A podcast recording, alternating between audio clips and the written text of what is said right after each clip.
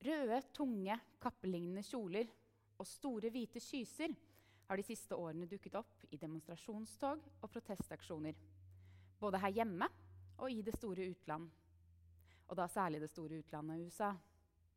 Både her og der har kvinneaktivister iført seg kjole og kyse for å protestere mot lovforslag som oppfattes som angrep på kvinners hardt tilkjempa rettigheter for abort. Det noe iøynefallende antrekket, den røde kjolen og hvite kysa, spiller selvfølgelig på symbolikken i den populære TV-serien fra 2017 The Handmaid's Tale. Serien er lagt til det fiktive samfunnet Gilead. Et samfunn som er totalitært, ultrakonservativt og religiøst og dypt patriarkalsk, hvor all makt ligger hos noen utvalgte menn. Seriens hovedperson er Offred. Hun er handmaiden, eller tjenerinnen, som forteller sin historie om hvordan hun gikk fra å være en fri kvinne med egen familie til å bli fanget og brukt som redskap for å gi barnløse menn av høytstående rang og deres koner et barn. TV-serien er basert på en bok ved samme navn, på norsk oversatt til 'Tjenerinnens beretning'. Boka kom ut allerede i 1985, og forfatteren er canadiske Margaret Atwood. En godt voksen dame som fyller 81 år og fortsatt skriver og utgir bøker. I denne månedens utgave av Trondheim folkebiblioteks Verdenslitteraturen presentert er turen kommet til Canada og til Atwood og hennes bok 'The Handmaid's Tale'. Mitt navn er Ingvild Stuvøy, og jeg er sosiolog ansatt på NTNU. Og jeg har altså fått gleden av å dele min leseropplevelse av nettopp denne boka The Handmaid's Tale med dere. Jeg vil starte med en liten innrømmelse. Jeg har ikke sett en eneste episode av TV-serien. Jeg har selvfølgelig lest boka. Og jeg har også skrevet en doktorgrad om surrogati. Noe som ikke er helt irrelevant i denne sammenhengen. Surrogati er nemlig sentralt for handlingen i The Handmaid's Tale. Surrogati er også sentralt for hvordan jeg leser boka, og for det jeg skal snakke om i dag. Før jeg går videre, kan det være greit med en definisjon av surrogati. nå som vi er inne på temaet. Surrogati refererer enkelt sagt til at en kvinne bærer fram og føder et barn på vegne av noen andre som skal bli barnets foreldre. Det er nettopp det tjenerinnen Offred er satt til å gjøre. Hennes oppgave er å bli gravid, bære fram og føde et barn for den såkalte kommandanten og hans kone. Når det så er sagt, så er det en rekke ting som skiller surrogati slik det framstår i The Handmaid's Tale, fra hvordan surrogati praktiseres rundt om i verden i dag. Den mest opplagte forskjellen vil noen si, er at i The Handmaid's Tale har staten tatt kvinner til fange og tvinger dem til å være surrogatmødre. I vår virkelige verden er det mer vanlig at det er markedet og ikke staten som organiserer surrogati. Det er en vesentlig forskjell, kan man si, Bl.a. fordi ufrihet i en markedskontekst antas å handle mer om nød og fattigdom enn den statlig organiserte tvangen Offred opplever. Jeg vil komme tilbake til dette spørsmålet om forskjellene og likhetene mellom surrogati slik det praktiseres i vår virkelige verden, og slik det praktiseres i det fiktive Gilead. Men først vil jeg si litt mer om boka og om Gilead, om hvilken samtid Atwood skrev boka i, og hvordan vi skal forstå det at boka har dukket opp igjen nå, godt over 30 år etter at den kom ut. Og Her er det kanskje på sin plass at jeg sier én ting til om meg selv som leser av denne boka. Jeg er nemlig samfunnsviter og ikke litteraturviter. Det betyr bl.a. at jeg ikke har analysert litterære virkemidler i en skjønnlitterær bok etter at jeg hadde norsk på videregående for det som begynner å bli noen år siden. Til gjengjeld så kan jeg ganske mye om samfunn. Og Gilead er jo nettopp det, altså et samfunn. Gilead er riktignok et fiktivt samfunn, og ikke akkurat et samfunn slik vi gjerne ønsker at det skal være. Det er hva man kan kalle en dystopi. Noe store norske leksikon forklarer oss at det er et oppdiktet skrekksamfunn hvor dårlige krefter har fått overtaket. Og det passer jo ganske godt på Gilead. Gilead er et totalitært regime opprettet av ultrakonservative krefter etter at de først har gjennomført et statskupp mot den amerikanske regjeringa. Et lite poeng her er at Gilead ikke ligger i Canada, hvor Atwood selv kommer fra. Gilead ligger nemlig i nabolandet USA, og mer presist hvis jeg har forstått det korrekt, nordøst i USA, på grensa mot Canada. Til den grad Canada opptrer, opptrer, i boka, så er det som landene hvor folk rømmer til for å komme seg vekk fra Gilead, Det er en rolle Canada har hatt flere ganger opp gjennom historien, slik som under slaveriet og seinere under Vietnamkrigen. På samme måte som Canadas rolle i boka gir en slags gjenklang i historien, så kjennetegnes dystopien av å være gjenkjennelig. Dystopien den skremmer oss fordi den ikke er helt fjern fra det samfunnet vi lever i. Atwoods Gilead er nettopp en slik dystopi. Vi kjenner igjen flere trekk fra samfunnet slik det eksisterer i dag, slik det var da Atwood skrev boka midt på 80-tallet, og også trekk fra en historie som går lenger tilbake i tid. Og det er der med historien jeg starter. Den delen av historien som kanskje trer tydeligst fram for mange av oss i møte med Gilead, er det som handler om mannens dominans over kvinnen. Som nevnt innledningsvis så er Gilead et patriarkalsk samfunn forstått her som et samfunn organisert etter et prinsipp om at menn har all makt i samfunnet. Den patriarkalske strukturen ved Gilead kommer til syne flere steder i boka. Som i at menn innehar alle sentrale posisjoner, og kvinnen først og fremst er definert ut fra sin relasjon til mannen. Kvinnen er kone, tjenerinne, hushjelp, sexarbeider og unwomen, eller ukvinner. I denne siste kategorien finner vi infertile, enker, lesber og feminister kategorisert ved at de ikke lenger er av interesse eller nytte for menn, eller muligens ikke selv antas å ha interesse for menn. Gilead viser seg også å være gjenkjennelig patriarkalsk i måten det forholder seg til infertilitet på. I Gilead er det nemlig aldri mannen som er infertil. Mannlig infertilitet er et tabu som ikke er lov å si høyt. Ved manglende unnfangelse så er det alltid kvinnens skyld. Det er også kvinnens skyld hvis barnet er dødfødt eller fødes med medfødte skader. Her må det nevnes at infertilitet er et omdreiningspunkt i Atwoods fiktive samfunn. Gilead oppsto nemlig som en reaksjon på en demografisk krise. Et drastisk fall i fødselsratene, særlig blant hvite amerikanere, som det står forklart i bokas siste kapittel. Bakgrunnen for denne fallende fødselsraten er noe uklar, skriver Atwood i boka. Noe av forklaringen ligger i endringer i folks reproduksjonsmønster. Nemlig at hvite amerikanere i samfunnet som kom før Gilead, tok valg som førte til færre hvite barn. Disse valgene var muliggjort bl.a. av tilgangen på abort og prevensjon. En annen del av forklaringen er forurensning. Det har ført til høyere grad av infertilitet og økt antall spontanaborter, dødfødsler og medfødte skader. I boka som altså er utgitt året før Tsjernobyl-ulykken, nevnes atomkraftulykker samt kjemisk og biologisk krigføring som mulige årsaker til forurensningen. Det er noe interessant ved at Atwood har valgt å gjøre fall i fødselsratene til et utgangspunkt for etableringen av Gilead. I tiårene før boka kom ut, hadde nemlig mye oppmerksomhet vært rettet mot behovet for å redusere befolkningsveksten verden over. Det kanskje mest kjente forsøket på å redusere befolkningsvekst Kinas ettbarnspolitikk, ble innført i årene mellom 1979 og 1981, i tida rett før Atwood skrev sin bok. Samtidig stemmer det også at det var bekymring for fallende fødselsrater på dette tidspunktet. Slik som her i Norge, hvor regjeringa i 1983 ba om en utredning om hvordan videre fall i fødselsratene kunne forhindres. Dette er en bekymring som dukket opp igjen for nylig, markert ved at statsminister Erna Solberg brukte nyttårstalen for et par år siden til å be norske kvinner om å føde flere barn. Og Her kan jeg ikke unngå å høre ekkoet av Offred, som sier et sted i boka at hun er å regne som en nasjonal ressurs. Hun skal redde statens framtid gjennom sin fungerende livmor. Det slår meg dessuten at både for Norges statsminister og for herremennene som opprettet Gilead, så ser noe av problemet ut til å handle om hvem som får barn, og ikke. Norges statsminister ber norske kvinner om å gjøre sitt for å sikre framtidig arbeidskraft. Samtidig fører hun såkalt streng, men rettferdig innvandringspolitikk. Gilead oppsto på sin side som en reaksjon på mangelen på hvite barn. Og det er også hvite barn Offred skal bære fram. Den amerikanske rasismen med sine lange røtter er med også inn i konstruksjonen av samfunnet Gilead. Jeg har lyst til å knytte en kommentar til Offreds navn her. Offred er ikke hovedpersonens virkelige navn, men et navn hun ble gitt da hun ankom kommandanten og konas hjem. Offred er sammensett av ordene of og Fred. Hun er altså Freds tjenerinne, underlagt hans makt og tilhørende ham, som en slags eiendom.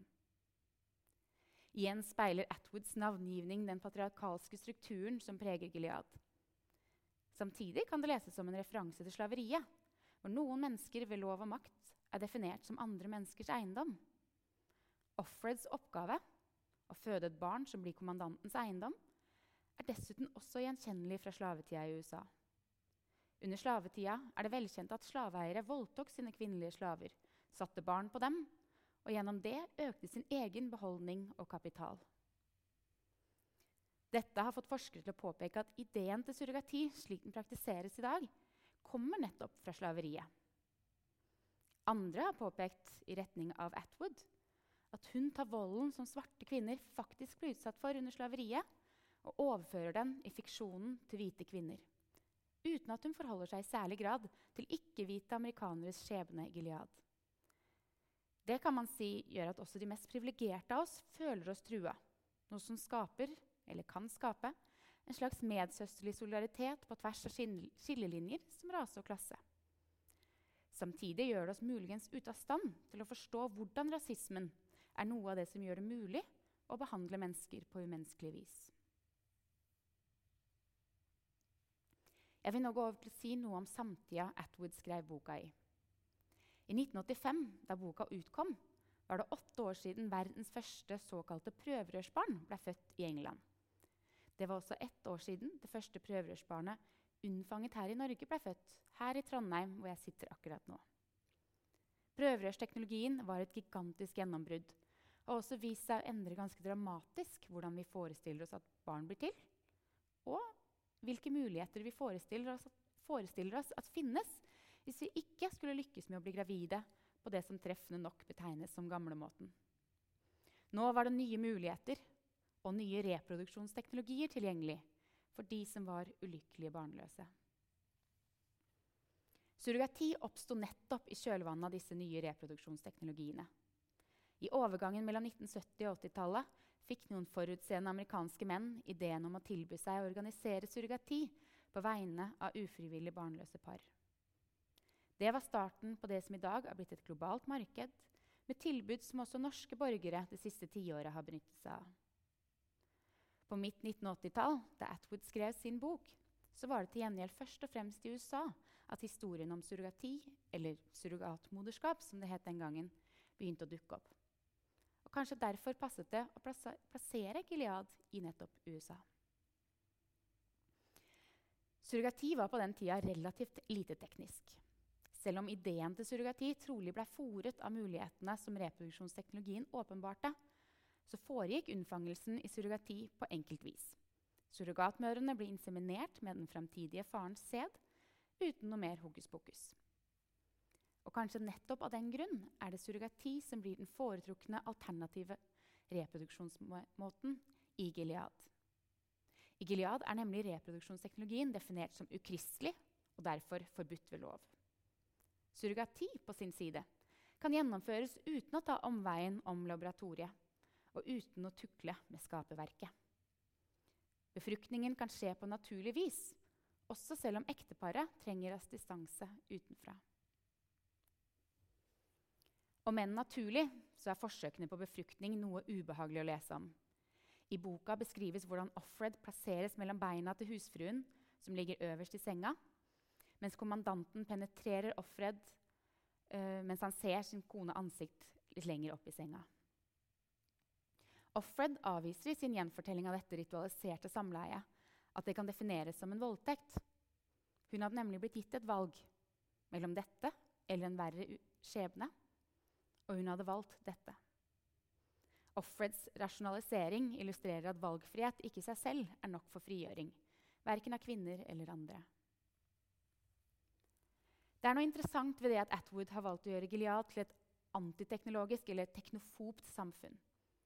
På det tidspunktet Atwood skrev sin roman, diskuterte feminister om reproduksjonsteknologien ville innebære frigjøring for kvinner, eller om den ville intensivere kontrollen over kvinners kropp. De amerikanske feministene Andrea Dworkin og Gina Korea advarte tidlig på 1980-tallet at reproduksjonsteknologien ville resultere i etableringen av såkalte reproduktive bordeller, hvor kvinner ble stuet sammen og verdsatt utelukkende basert på om de hadde velfungerende reproduktive organer. Godt og vel 20 år etter dukket de første bildene av indiske surrogatmødre opp. Innlosjert i sovesaler under konstant kontroll og overvåkning, gravide med barn, betalt for i dollar og norske kroner. Etter hvert som norsk offentlighet ble oppmerksom på fenomenet, kom avisoverskriftene om leie av livmor og barn til salgs. I The Handmaid's Tale beskriver offeret følelsen av å være redusert til en livmor. A two-legged womb, eller sagt på norsk en tobeina livmor. Det ritualiserte samleiet, eller voldtekten om man vil, forsterker på sitt vis denne ideen eller følelsen. Samtidig er noe av spenningen i boka knyttet til nettopp det at kommandanten nekter å gå med på å behandle offeret kun som en tobeina livmor. Han inviterer henne til sitt kontor, spiller spill med henne og tar henne med på fest. Kommandanten insisterer på å gjøre en særs upersonlig relasjon personlig, og kanskje dermed mer menneskelig. For meg er dette forsøket til kommandanten noe av det slående når jeg leser boka.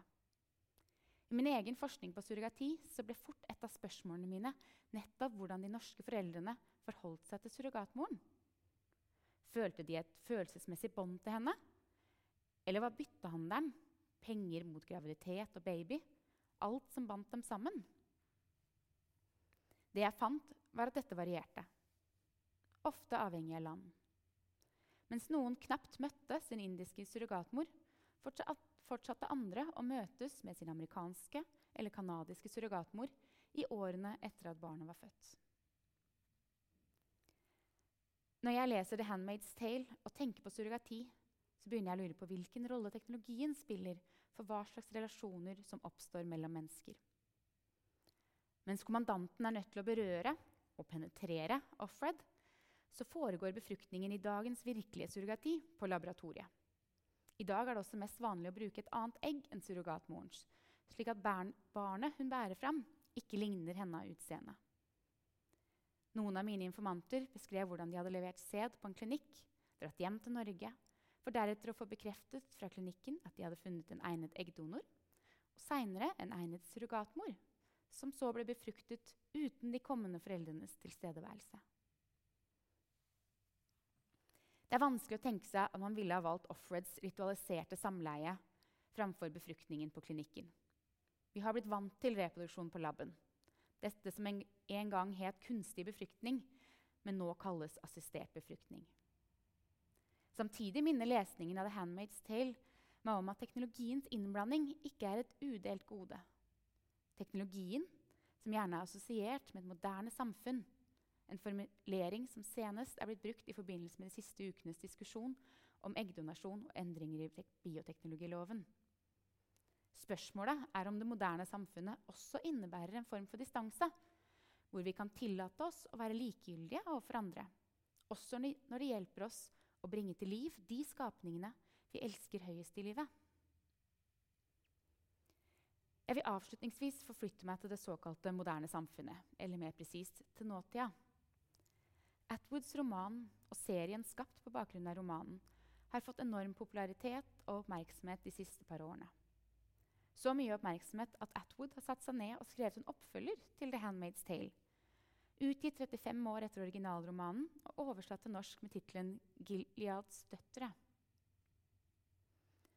Som nevnt innledningsvis så har symbolikken fra The Handmaid's Tale blitt brukt som virkemiddel i en rekke protester.